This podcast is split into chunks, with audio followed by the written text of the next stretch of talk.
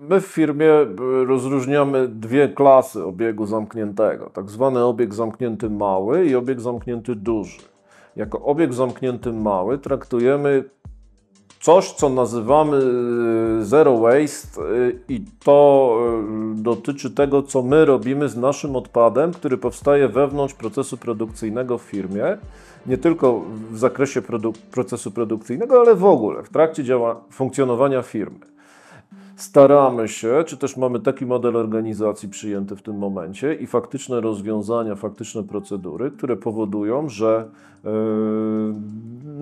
wszelki odpad, wszelki, wszelkie rzeczy, które powstają i uznajemy, że są odpadem i są nam niepotrzebne, staramy się przetworzyć w tym miejscu, w którym one powstały.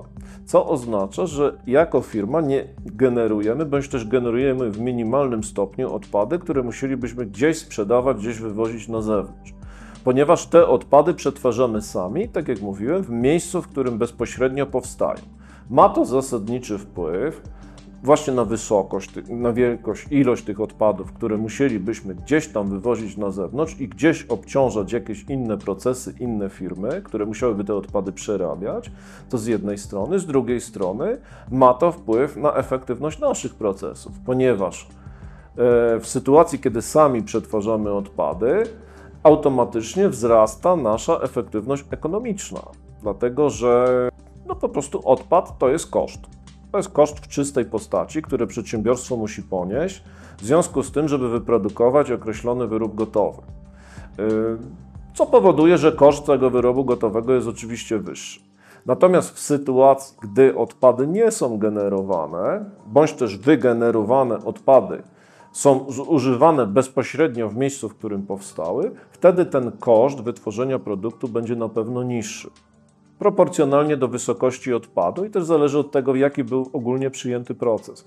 Jeżeli w ramach danego procesu produkcyjnego generowaliśmy duże ilości odpadu, a udało się tak przerobić, ten, tak przemodelować ten proces produkcyjny, że tego odpadu jest zdecydowanie mniej albo w ogóle, wtedy rentowność takiego procesu wzrasta w sposób zauważalny. W naszym przypadku miesięcznie wytwarzaliśmy około 100 tysięcy kilogramów odpadów, które lądowały albo na specjalnym wydziale, który mieliśmy wewnątrz firmy, który przerabiał te odpady, później regranulował, przetapiał wtórnie to tworzywo, zużywał do tego energię. Była konieczność yy,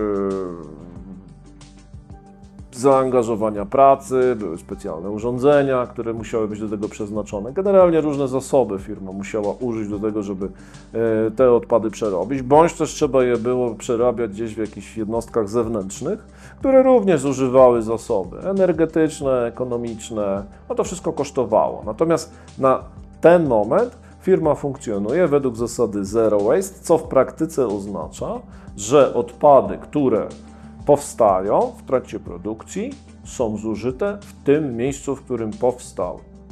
Także to jest nasz obieg zamknięty mały, wewnątrz firmy. Jest to dosyć unikalny proces. Prawdopodobnie jesteśmy jedną z pierwszych, o ile nie pierwszą firmą, która przy tego rodzaju produkcji stosuje e, taki model organizacji czy też stosuje się do zasad, y, które są ogólnie opisywane jako, niektórzy mówią filozofia zero waste, niektórzy mówią, że, że, że, że to jest koncepcja przemysłu zero waste. Dla nas to jest praktyka. Po prostu tak pracujemy.